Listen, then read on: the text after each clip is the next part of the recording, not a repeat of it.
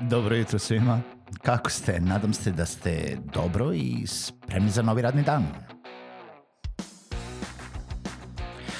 Pozdrav svima i dobrodošli na podcast Male pobede, stari novi podcast koji, well, koji je tu da bi vam kroz pitanje i savete dao motivaciju, pokrenuo vas u pozitivnom smeru i pomogao da ovaj dan počne bolje, jače i možda čak i zabavnije. Moje ime je Željko Crnjaković.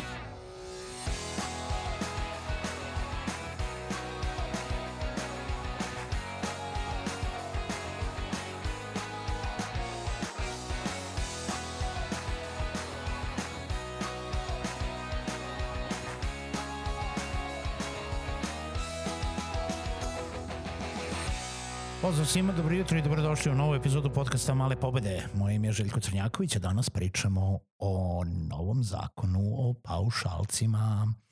Novi zakon o paušalcima ili u stvari novi zakon o oporezivanju preduzetnika i toga ko može biti paušalac, ko ne može biti paušalac, je prošao skupštinsku odluku i usvojen je za prepaštenje.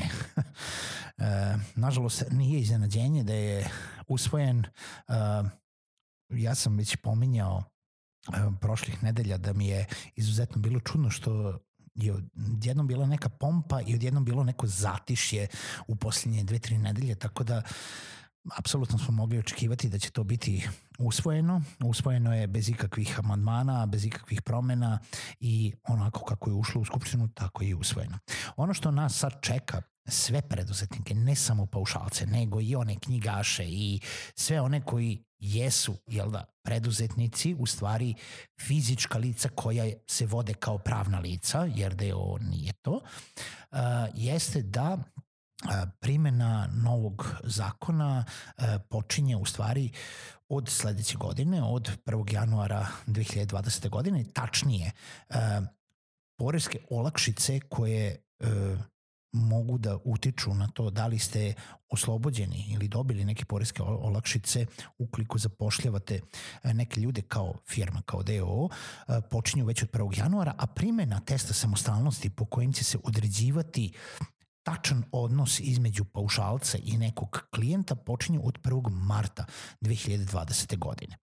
E sad, prva stvar, što se tiče olakšica, olakšice jesu, znači, e, popusti navodnicima, od e, čak 70% oslobađanja od plaćanja nekih poreza i doprinosa, 70%, uh, tokom 2020. godine i tokom narednih perioda od još dve godine nakon toga u nekom manjem iznosu 65 i 60% za sve one koje zaposlite a koji nisu bili u radnom odnosu u uh, 2019. godini ko nije bio u radnom odnosu u 2019. godini. Ono što je absurd, ali eto, jel da je stavka i činjenica, jeste da se svi paušalci i knjigaši, u stvari svi preduzetnici smatraju da nisu bili u radnom odnosu ukoliko jesu preduzetnici.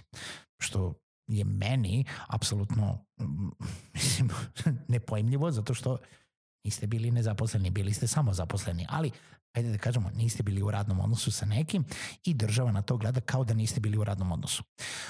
Ono što se još uvek poima kao pitanje, a što ću imati, na, nadam se, u narednih par dana kao odgovor, pa ću praviti još jednu epizodu ovoga, jeste da se, e, postoji jedna caka da svi oni koji jesu bili na ličnoj zaradi, a to su oni preduzetnici knjigaši koji su bili na ličnoj zaradi, a ne na samo oporezivanju, izgleda da su bili u ovaj, u nekom e, radnom odnosu, te na njih uopšte ne mogu da se primene poreske olakšice od 70%. I to ako bude, to će biti jedna jako interesantna stavka koja će onako da, što bi rekli, a, neke od, od preduzetnika. Ali o tom potom nije još ništa sigurno. Raspitujemo se, pa čim budem imao detaljne informacije, znaću a, i preneću vam u nekoj drugoj epizodi.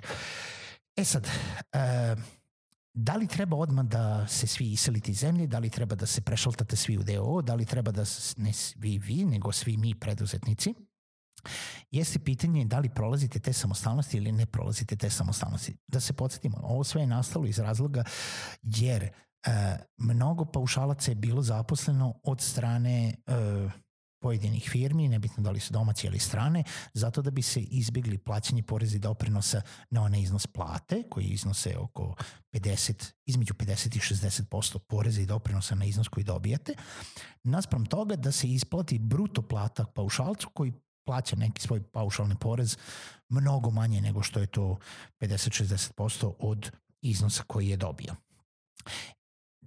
I sad postojale su firme koje su imale 100 zaposlenih, jel da 100, 100 ljudi je sedelo u, u uh, nekoj zgradi, uh, a od toga je dvoje bilo zaposlenih redovno na redovnu platu, a ostali su bili paušalci. Zbog toga je sve ovo nastalo. Drugi, druga stvar je što će to sve da ovaj, pohvata i sve nas koji, koji radimo normalno. Test samostalnosti je e, test od devet tačaka koji se primenjuje na odnos paušalca, to jest preduzetnika, sa svakim pojedinačnim njegovim klijentom. U stvari može da se primeni na svaki pojedinačni njegov klijent. Gleda se odnos između preduzetnika i tog klijenta. I ukoliko padnete na pet od devet stavki, smatra se da niste samostalni i da sve iznose koje ste jel da, naplatili kao pušalac uh, u, uh, od početka 2020. godine, u stvari od primene 1. marta uh, 2020. godine, a nebitno kad vas uhvati te samostalnosti, ako se uhvati u septembru ili 2022. onda od 1. marta 2020. godine, za te iznose bi morali platiti dodatno poreze i doprinose u tom iznosu. I još jedna stavka koja je veoma bitna da znate jeste da ukoliko je vaš klijent domaći klijent, njega terete porezi i doprinosi. Znači, ukoliko ste vi preduzetnik koji radi sa domaćim klijentom, domaćem klijentu će biti u interesu ili da vas zaposli i dobije one olakšice i poreze, to jest olakšice i povlastice i na taj način ne dođe u situaciju da mora da plati dodatnih ne znam, 50-60% ili razliku uh, poreza na iznose koje vam je isplaćivo kao što ste paušalac.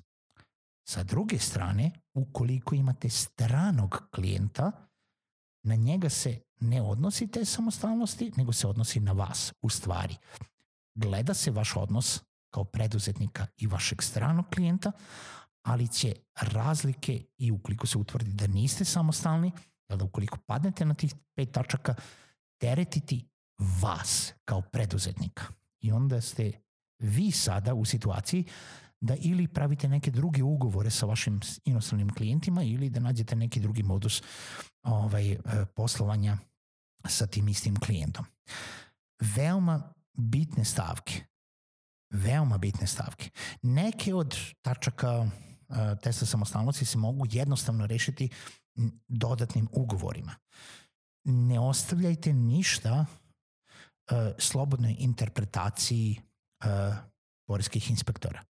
Naravno, neke od tačaka i dalje mogu da se i pored ugovora tumače uh, u, jel da, na slobodnu ruku, jel da, i sa kreativnošću poreskih inspektora uh, i samim tim dolazimo u situaciju da sve što ne možete čvrsto da imate crno na belo i da stoji nedvosmisleno na papiru i ukroz ugovor i može da se misli drugačije o tome, mislite o tome da će svi drugačije da misle o tome nego što ste vi zamislili. Tako da nemojte da idete sa APP ako prođe, prođe, nego pogledajte odnose sa svojim klijentima, vidite da li vam je bolje da pravite nove ugovore, pravite novi oblik firme, a, vidite šta ćete drugo i onda na osnovu toga obezbedite sebi da do 1. marta sledeće godine imate čiste odnose i čisto poslovanje jer neće vam se isplatiti u neku drugu ruku da, da to obrnete. E, toliko o tome, znači e, povlastice kreću od 1. januara 2020. godine, a te samostalnosti od 1. marta 2020. godine. Ukoliko želite znate više o testu samostalnosti, pogledajte tekstove na Startitu, na netokraciji, um, dosta su razrađeni i objašnjeni i siguran sam da će u narednom nekom periodu mnogo više biti priče i o testu samostalnosti i o načinima uh, jel da, kako da se prebace uh, jel da, načini poslovanja, oblici firmi, da bi sve to ovaj, moglo nekako da se uštima. E, nije vam rešenje da otvarate firmu u inostranstvu ukoliko i dalje sedite u Srbiji. Pričali smo o tome uh, u jednoj epizodi, zato što u momentima kada vi prebacujete sebi pare, vi ste i dalje stanovnik Srbije i dužni ste jel da, da platite poreze na taj iznos, a, a jedini način da to uradite bezbedno i da zaobiđete sve naše regulative jeste da se bukvalno ili preselite ili da kada god idete da podignete pare pređete, pređete granicu i ovaj, vaše poslovanje i sve vaše transakcije prebacite van granica i regulativa Republike Srbije. Um, toliko u ovoj epizodi podcasta Male pobede. Nažalost, uh, nije iznenađujuće, nešto je što smo čekali, ali poreske promene su došle, to jest će da dođu, usvojene su. Sa druge strane, i pored ovoga preživećemo, jer ovo trenutno utiče na gomilu ljudi i pozitivno i negativno a, koji su funkcionisali sa jednim ili sa dva klijenta i koji su zapravo jel da, našli tu taj način kako da, jel da povećaju sebi uh, profit na legalan način, uh, smanjujući sebi troškove, dok gomila drugih preduzetnika neće preduzetništvo nestati, da se odmah razumemo.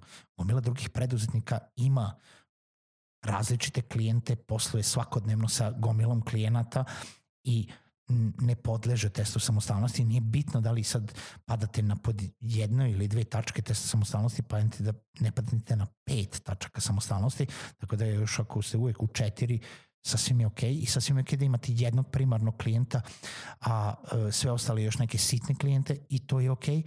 Samo, kažem, pogledajte te samostalnosti, linkovaću ga u opisu podcasta i uh, čujemo se, siguran sam da će biti još priče oko ovoga pre nego što dođe do same upotrebe, to jest primene. Čujemo se u narednoj epizodi podcasta Male pobede.